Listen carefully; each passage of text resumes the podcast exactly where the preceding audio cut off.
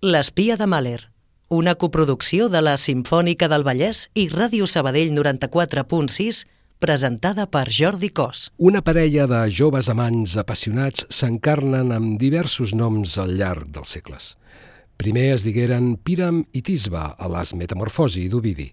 Al segle III, Xenofont d'Efès els anomenarà Abròcomes i Antia i centenars d'anys més tard els amants es reencarnaran amb els cognoms de Gianozza i Mariotto, ideats per l'escriptor Masuccio Salernitano el 1476.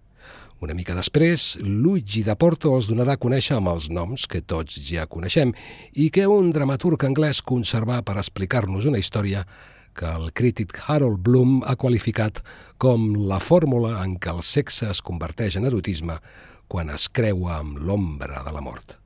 Avui, amb el suport apassionat de Rocío García al control tècnic, Romeu i Julieta de Shakespeare a l'espia de Mahler.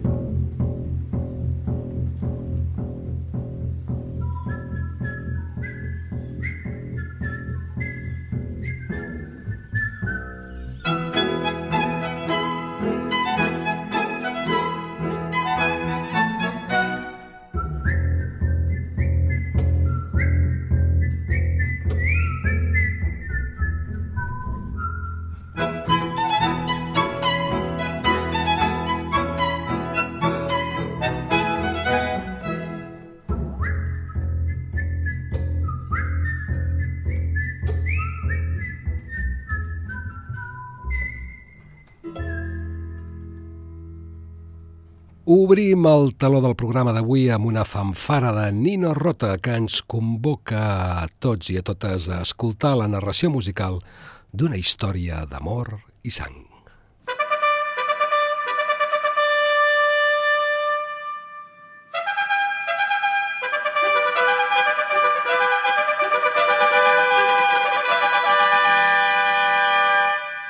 Primer personatge, Romeu i la música amb què el dibuixa el compositor rus Sergei Prokofiev en el seu ballet Romeu i Julieta. thank you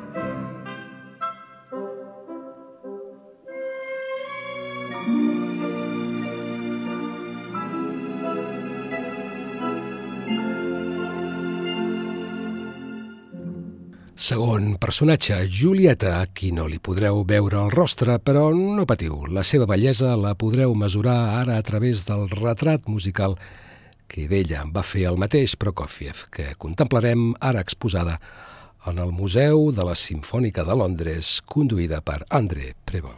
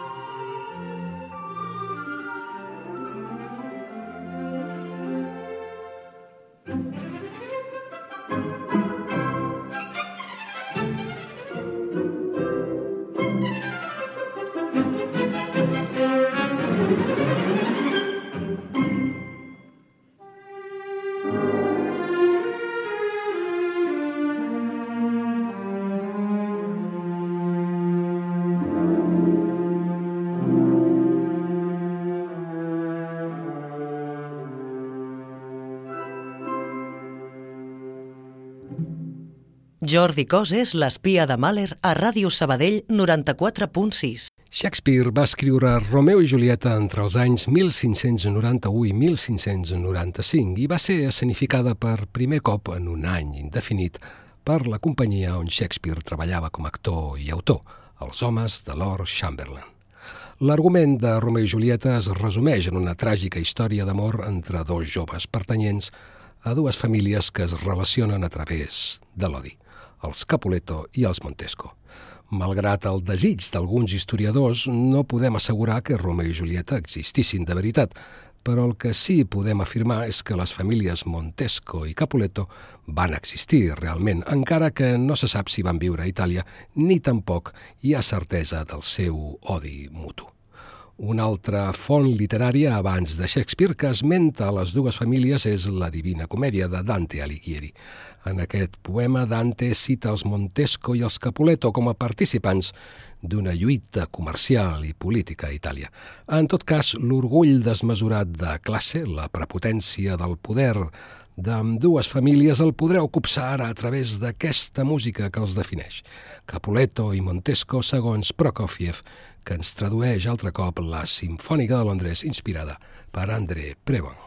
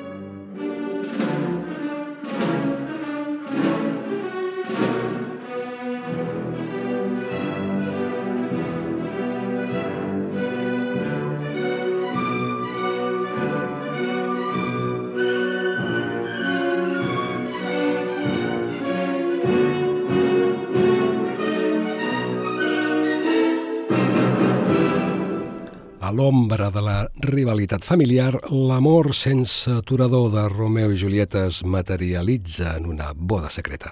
Els casarà el frare Llorenç, confessor de Romeu.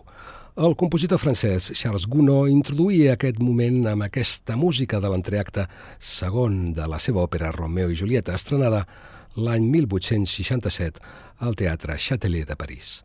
Les noces de Romeu i Julieta segons l'orquestra del Teatre Capitol de Toulouse que condueix Michel Plasson. Música que podreu viure en directe d'aquí una setmana al Teatre de la Faràndula en una nova producció de la Fundació Òpera Catalunya.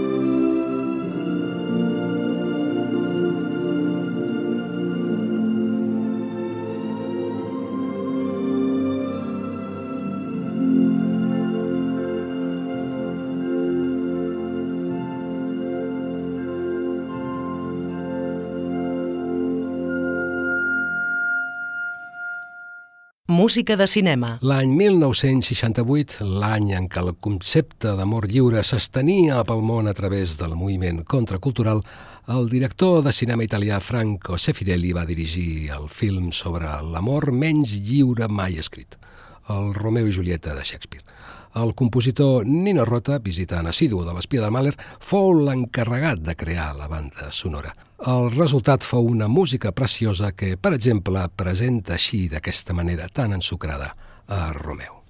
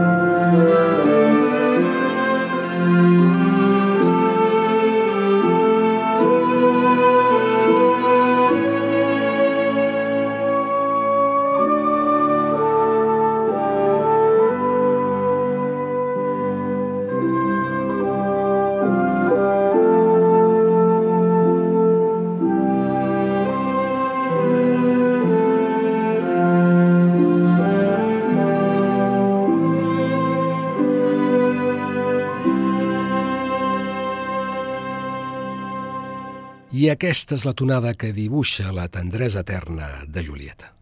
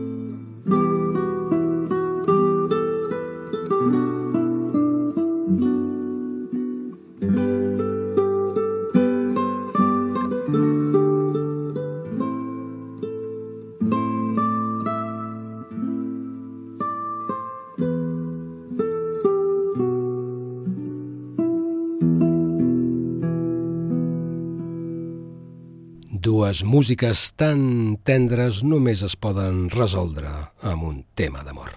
Gaudim de la inspiració de Nino Rota explicant-nos a través de la música allà on les paraules no arriben quan parlem d'amor.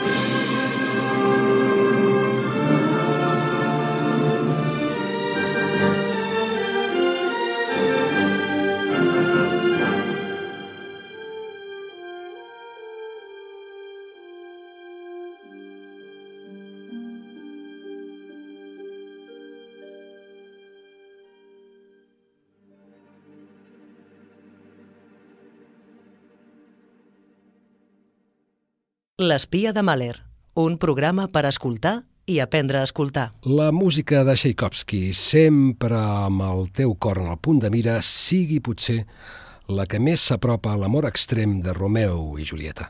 El compositor rus dedicà una obertura a fantasia, un poema sinfònic, a la fi, que donà per acabat després d'unes quantes revisions l'any 1880. L'obra s'inicia amb el tema que descriu el frare Llorenç.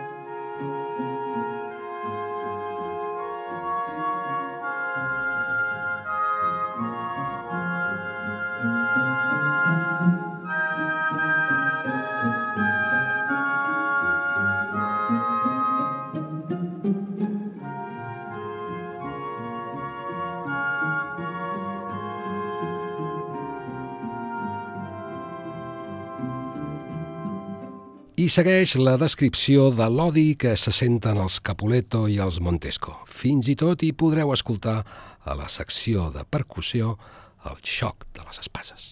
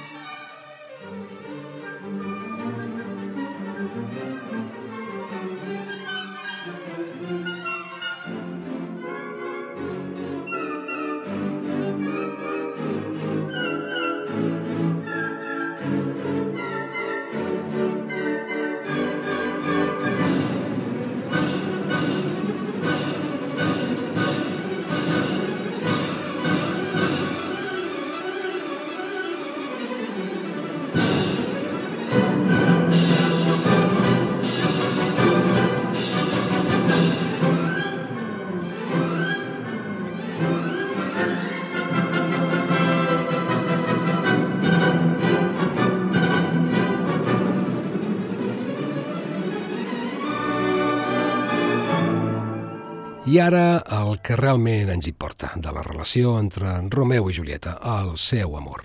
Una de les tonades més inspirades de la història passada i futura de la música.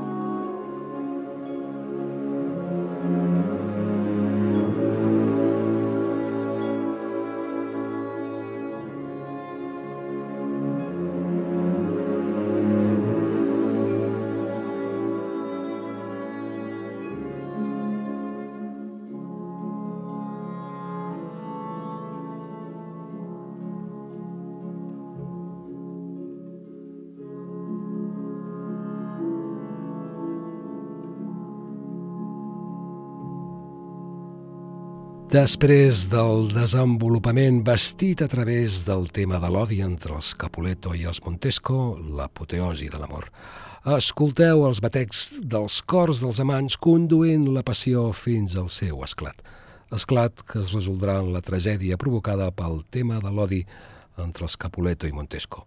Conclusió, la marxa fúnebre que anuncia la mort i alhora l'eternitat dels amants de Verona.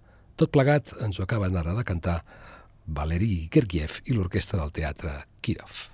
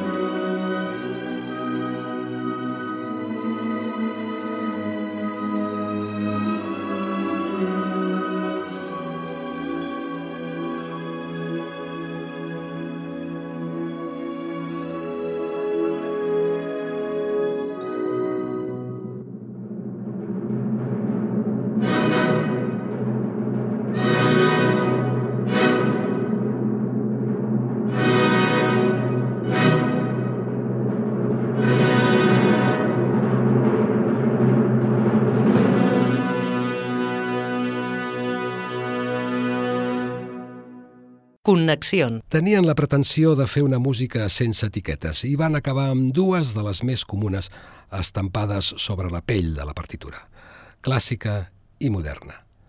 Tot i que més fusionades que consecutives, la barreja no es comet les orelles de ningú. Més aviat les convida a prendre la pressió del nostre múscul més vulnerable, el cor. La idea va sorgir de la personalitat inquieta del cantant Elvis Costello, després d'escoltar una versió inquietant i també burlesca dels quartets de Shostakovich bramant en els instruments de l'inquiet quartet Brodsky. Potser era aquesta versió.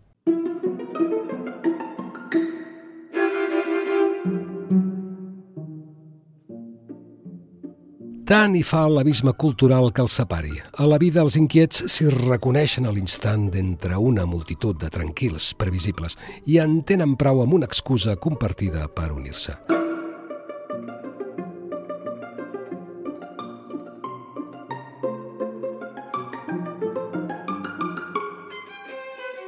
En aquesta ocasió, l'adhesiu que van utilitzar Costello i els Brodsky per atreure's no va ser altra que les cartes que enamorats contemporanis d'arreu segueixen enviant encara avui a la Julieta clàssica de Shakespeare.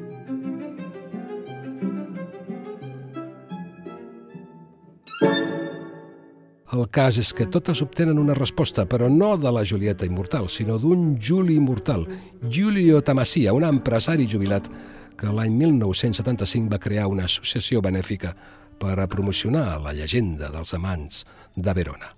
el Club de Julieta, una ONG per a consol d'amors d'un sol passatger. Les cartes que canten Costello i els membres del quartet Bruschi són fruit de la seva imaginació.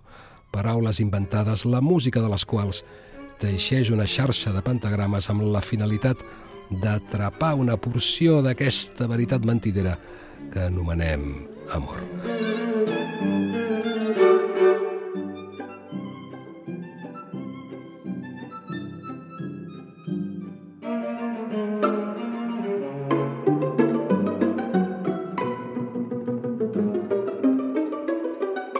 El resultat és una ecografia del sentiment, per ventura un reflex més fidel a la geografia accidentada del cor que cap de les 75 cartes autèntiques que les germanes Friedman han recollit en un llibre Cartes a Julieta, que per cert es va convertir en una pel·lícula fa uns anys que van estrenar allà en aquell país on millor saben fer de l'amor un negoci, als Estats Units. D'entre totes les cartes, l'escriptora Liz Friedman en destaca la d'un nen. Va escriure dient que havia una nena a l'escola a la qual duia els llibres i que sempre li donava apuntades. Aleshores el petit pregunta «Ja no em pega, això vol dir que ara li agrado?» En fi, la meva subpersonalitat depressiva sent debilitat per aquests gargots d'abans precipitades. Benvolguda Julieta, resa per mi. Estic enamorada d'un tipus que és prou seriós pel que fa al matrimoni, però no sembla que s'enamori de mi en un futur proper. Ajuda'm. Cris. El laboratori fotogràfic d'aquestes paraules m'ha revelat la imatge d'una dona al llindar del precipici amb un peu ja en el buit. Deixem que siguin en aquest cas Ivan la banda i el quartet de corda de la Simfònica del Vallès, que van fer una producció fa uns anys a través del Festival Grec de Barcelona, precisament de les cartes de Julieta. Escoltarem un dels temes, o el text del qual que acompanya ens diu així. Gràcies per les roses, les he llançades al foc i he cremat també les fotos que has adjuntat. Dit en curt, que et bombin.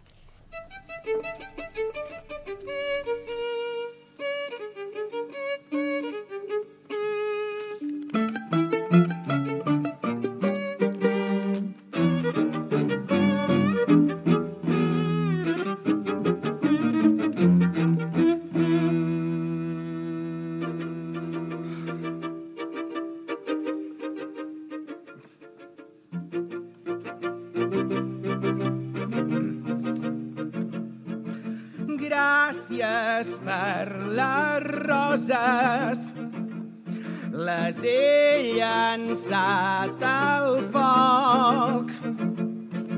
I he cremat també les fotos que has adjuntat.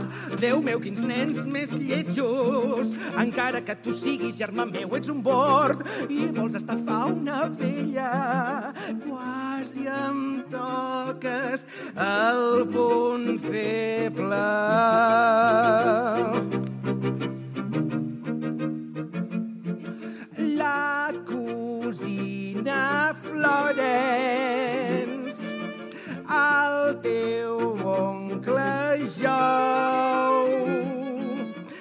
forquilla i ganivet li va ferir el front.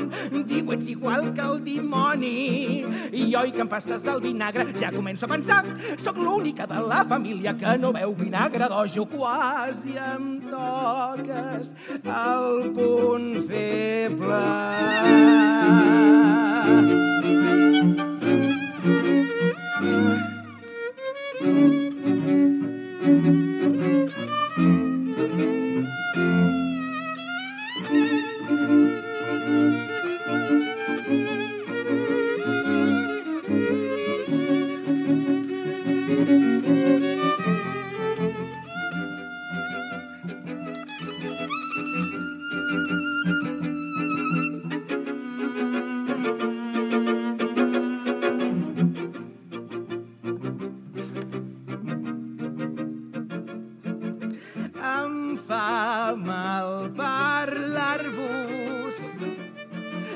d'aquests subtils neguits.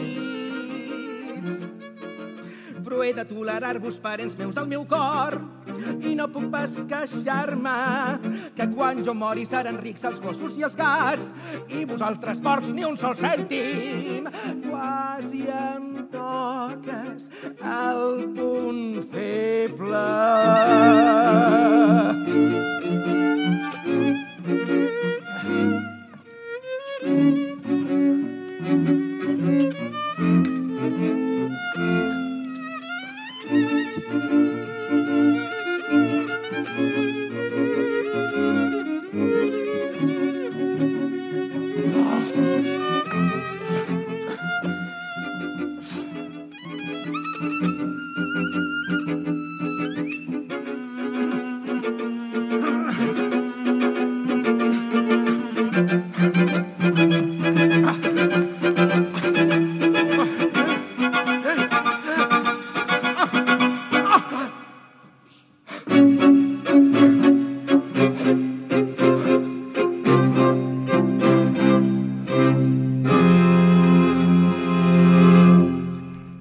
Seguim escoltant a Ivan, la banda i el quartet de corda dels Simfònics del Vallès en aquesta versió de les cartes a Julieta d'Elvis Costello, un altre tema de desamor. Espero que quan t'arribi aquesta carta sigui tot millor que quan vaig deixar-te si no fos tan sordid el poder de l'amor propi.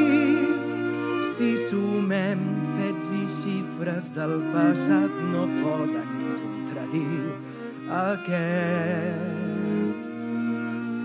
sainet aquest sainet que fa un espectacle amb els fracassos del destí Riure no pot fer ni digne ni elevat aquest sainet. Quin enyor dels anys que érem tots idealistes quan els va colgar la farsa i l'aritmètica pedants. Tots ells els seus com rellotges que al final es fan malbé en un final grotesc.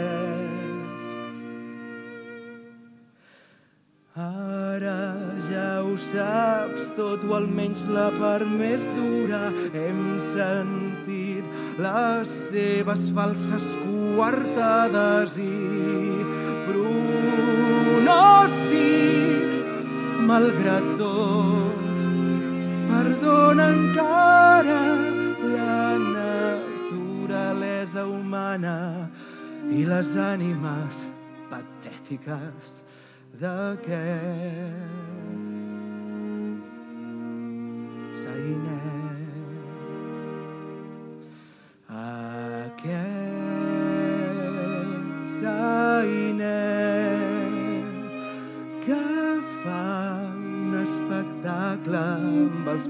Fracassos del destí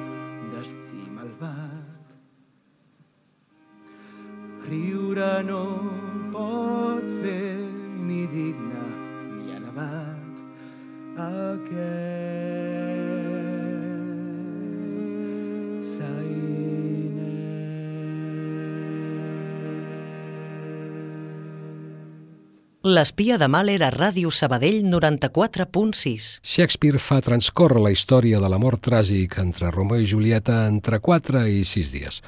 Una exactitud temporal que contrasta amb un amor que neix amb vocació d'immortalitat.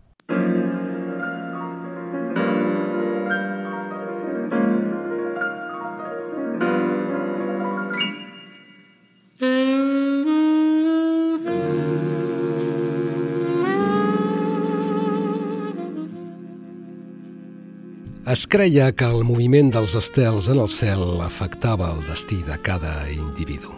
Duke Ellington ho expressà així amb aquesta música que està sonant rere meu dedicada a Romeu i Julieta que titula Els amants d'estrelles oposades. Romeu s'acabarà enverinant creient que la seva estimada Julieta, induïda a través d'un beuratge a un son profund, és morta. En despertar i descobrir el cadàver del seu amant, Julieta s'enfonsarà una fàl·lica daga a les profunditats del pit. Acabem amb aquest blues, amb els plors de Julieta en el timbre d'un saxo, per celebrar i maleir que la victòria de l'amor contra el temps sigui la mort.